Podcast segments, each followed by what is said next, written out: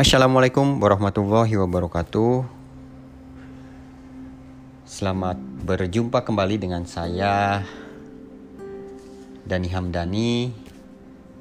Kali ini saya akan menjelaskan tentang investasi ilmu itu jauh lebih menguntungkan daripada harta. Jadi boleh investasi uang tapi jangan lupa investasi ilmu. Itulah investasi yang paling menguntungkan sepanjang masa. Pertanyaannya, sekarang bisa dapat ilmu dari mana?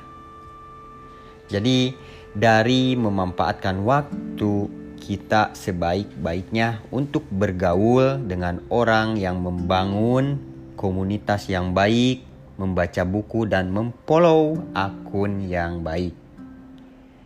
Jangan ragu untuk mulai investasi keuangan dan jangan lupa belajar dulu. Oke, sampai jumpa.